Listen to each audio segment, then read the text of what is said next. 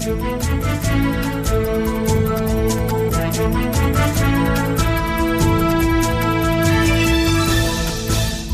Republik Indonesia Fak-Fak dengan suara redaksi.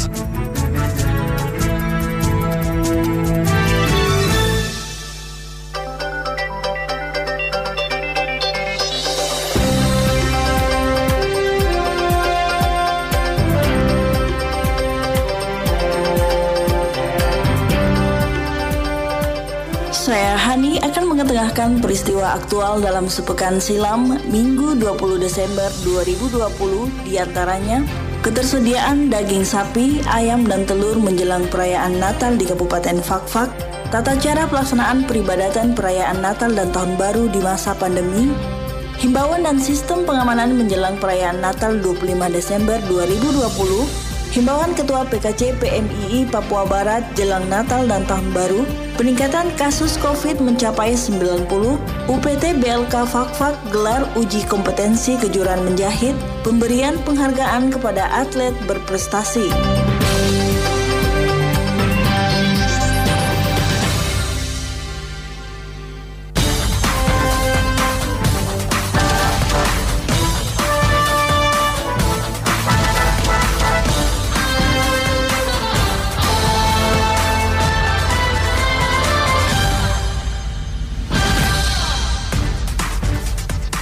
Dinas Pertanian dan Ketahanan Pangan Kabupaten Fakfak memastikan ketersediaan daging sapi, daging ayam, dan telur dalam keadaan aman menjelang perayaan Natal 25 Desember 2020. Kepala Dinas Pertanian dan Ketahanan Pangan Kabupaten Fakfak Muhammad Soleh mengatakan ketersediaan stok daging berupa ayam, telur, maupun daging sapi untuk keperluan di hari raya Natal hingga saat ini masih aman sehingga masyarakat tidak perlu resah dan khawatir. Dikatakan untuk daging ayam yang tersedia di tempat-tempat penjual daging ayam maupun yang didatangkan dari luar kota Fakfak berjumlah 80 ton, sementara stok telur ayam hingga saat ini masih tersedia 134 ton. Begitu pula dengan daging sapi akan dipersiapkan sebanyak 500 kg sesuai dengan permintaan di pasaran terkait dengan ketersediaan khususnya stok up daging berupa ayam, telur maupun sapi. Ini dapat kami jelaskan bahwa khusus untuk ini menjelang persiapan Natal ini untuk stok ayam itu di tempat-tempat stok khususnya di toko maupun di yang didatangkan dari Surabaya maupun dari Makassar itu berjumlah 80 ton itu untuk menyambut Natal selama satu bulan ini. Kemudian ada juga produksi lokal itu nanti insya Allah juga pada menjelang Natal itu akan di dilakukan produksi secara massal juga khusus ayam. Itu ayam pedaging ini ayam dagingnya. Kemudian terkait ayam ras itu juga sudah sesungguhnya sudah ada juga di beberapa distrik yaitu pertama ada di Fafak Barat Perwasa Werba maupun di Pariwari dan serta Fafak Tengah. Itu memang tersentra ada di peternak-peternak yang notabene merupakan binaan pemerintah daerah juga. Kemudian khusus untuk telur itu untuk menjelang Natal itu stok yang disiapkan selama sebulan menjelang persiapan Natal sampai pasca Natal Natal itu sejumlah 138 ton. Ini asal telur juga dari luar karena memang untuk tuh khusus telur belum ini di sini masih ini apa 95% masih didatangkan dari Surabaya maupun Makassar, Manado dan lain-lain.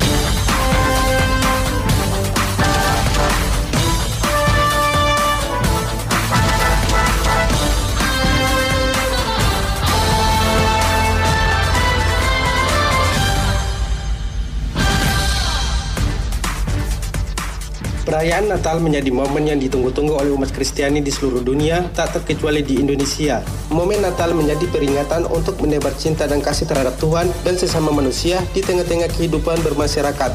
Berbeda dari biasanya, perayaan Natal tahun 2020 digelar di tengah-tengah situasi pandemi COVID-19, sudah tentu ada banyak penyesuaian yang harus dilakukan sesuai ketentuan pencegahan COVID-19. Sehubungan hal tersebut, Kementerian Agama Kabupaten Fakfak telah mengimbau kepada seluruh umat Kristiani agar melaksanakan peribadatan perayaan Natal dan Tahun Baru sesuai dengan surat edaran Menteri Agama nomor 23 tahun 2020 tentang panduan penyelenggaraan kegiatan ibadah dan perayaan Natal di masa pandemi COVID-19. Kepala Kantor Kemenak Fakfak Abdul Hamid Rahar Nyamtil mengatakan ada beberapa poin penting yang termuat di dalam surat edaran Menteri Agama nomor 23 tahun 2020 di antaranya ibadah dan perayaan Natal hendaknya dilaksanakan secara sederhana selain dilakukan secara bersama-sama, ibadah Natal juga dapat disiarkan melalui daring, serta jumlah umat yang mengikuti ibadah tidak boleh lebih dari 50%. Ibadah dan perayaan Natal hendaknya dilaksanakan secara sederhana dan tidak berlebih-lebihan. Lebih menekankan persekutuan di tengah-tengah keluarga. Berikutnya, ibadah dan perayaan Natal uh, selain diselenggarakan secara berjamaah, kolektif uh, di rumah ibadah juga disiarkan secara daring uh, dengan tata ibadah yang lebih disiapkan oleh pengurus dan pengelola rumah ibadah. Berikut lagi bahwa jumlah umat yang dapat mengikuti kegiatan ibadah dan perayaan Natal secara berjamaah atau kolektif tidak melebihi 50% eh, dari kapasitas rumah ibadah yang ada.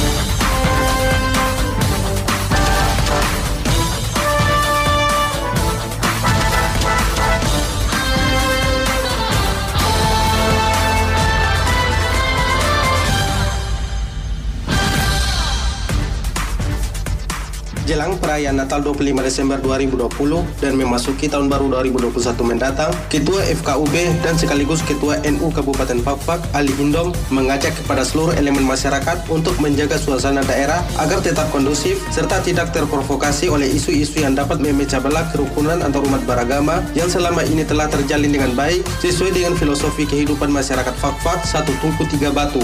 Selaku Ketua NU Kabupaten Fakfak, ia mengajak dan menghimbau kepada seluruh anggota Ansor dan Bangsar untuk bersama-sama berpartisipasi guna melakukan pengamanan peribadatan umat Kristiani pada saat malam Natal maupun ibadah pagi di seluruh gereja-gereja yang ada di kota Fakfak. Selaku Ketua Nahdlatul Ulama Cabang Fakfak dengan budaya dan tradisi dan moderat Nahdlatul Ulama. Selaku Ketua NU, saya menghimbau minta kepada Ansor dan Bangsar Nahdlatul Ulama setiap tahun menjelang hari besar keagamaan umat Kristen dan Katolik akan melaksanakan Natal. Marilah kita berpartisipasi, kita membantu. Nanti pada malam Natal, saudara-saudara Ansor dan Bangsar, saya himbau untuk sama-sama kita melakukan keliling-keliling, ke lihat di gereja-gereja, saudara kita yang mengadakan kebaktian malam maupun kebaktian pagi. Kita semua pantau dan kita jaga supaya tetap aman dan kondusif. Ini satu budaya Nahdlatul Ulama dengan sikap moderatnya. Untuk itu sekali lagi kepada Ansor Banser, kita dalam suasana Natal ini kita dalam rangka menjaga kehidupan toleransi. Mari kita mengadakan uh, uh, keamanan bersama, membantu Polri dan TNI dan kepada seluruh masyarakat kita memantau dan kita lihat saudara kita, kita jaga mereka dalam melaksanakan ibadah dan malam Natal dan nanti Natal di tanggal 25 Desember berjalan aman, lancar dan tertib.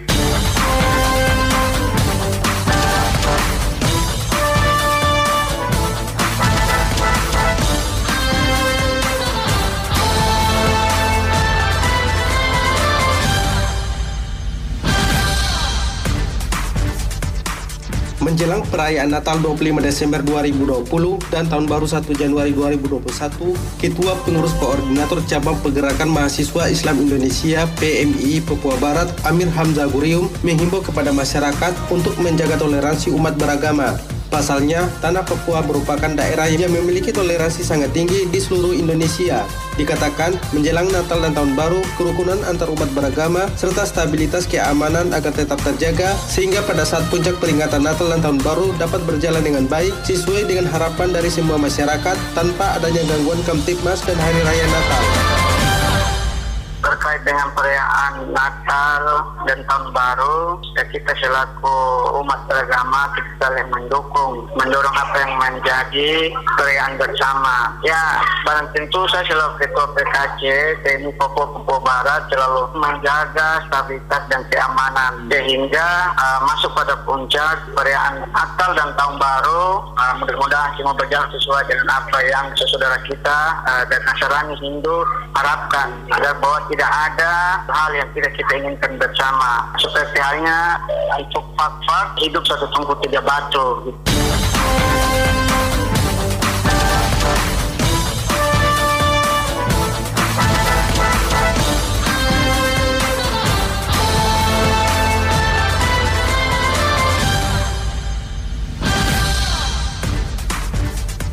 Kasus COVID-19 di Kaimana dari hari ke hari semakin meningkat. Ini terlihat dari hanya dalam waktu dua bulan, jumlah kasus COVID sudah mencapai 90 orang yang terkonfirmasi.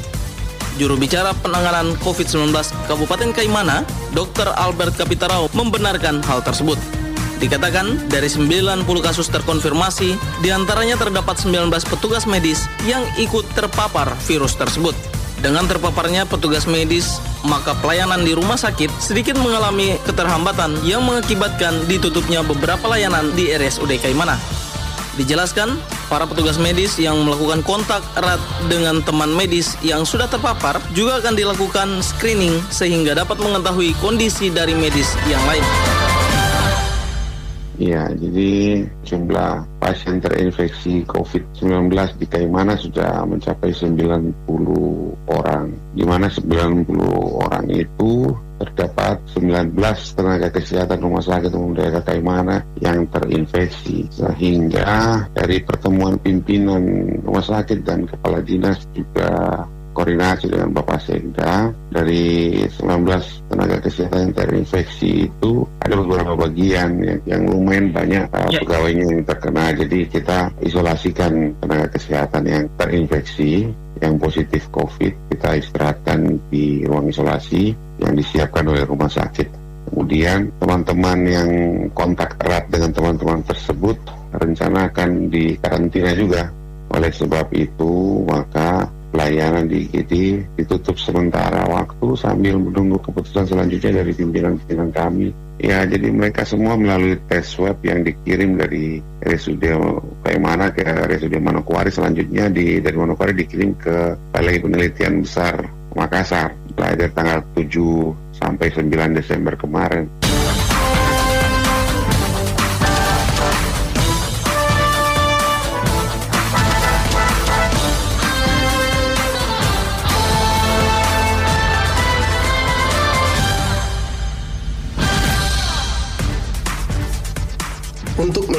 Kemampuan para alumni pelatihan berbasis kompetensi melalui UPT Balai Latihan Kerja BLK Kabupaten Fakfak selama tiga hari menggelar sertifikasi atau uji kompetensi kejuruan menjahit yang berlangsung di gedung UPT BLK Kabupaten Fakfak.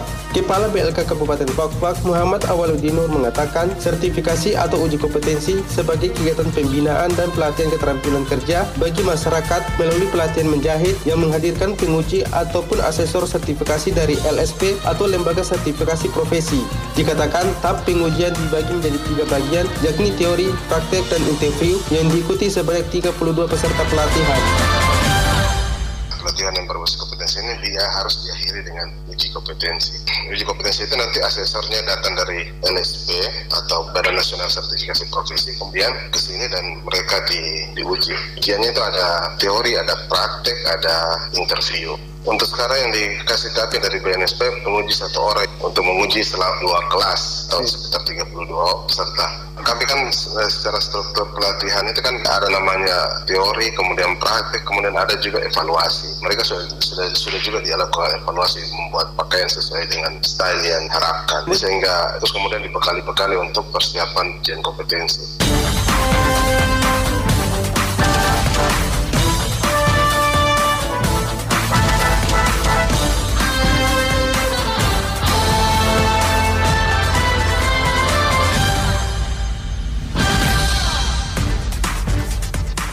Pemerintah Kabupaten Fakfak melalui Dinas Pendidikan, Pemuda dan Olahraga memberikan perhatian serius terhadap prestasi atlet dan pelatih cabang olahraga. Upaya ini diwujudkan melalui pemberian penghargaan kepada pembina, pelatih dan atlet yang berdedikasi serta berprestasi pada lima cabang olahraga pembinaan PPLPD di Kabupaten Fakfak tahun 2020 berlangsung di lantai dua Dinas Pendidikan. Kepala Dinas Pendidikan Hermanto Hobro pada acara tersebut memberikan apresiasi kepada para atlet dan pelatih yang telah berhasil meraih prestasi prestasi dan mengharumkan nama Kabupaten Fakfak. Ramanto Hubro mengungkapkan prestasi yang telah dicapai oleh para atlet adalah awal. Oleh karena itu, ia berharap para siswa terus meningkatkan semangat berlatih sembari terus belajar meraih prestasi di sekolah.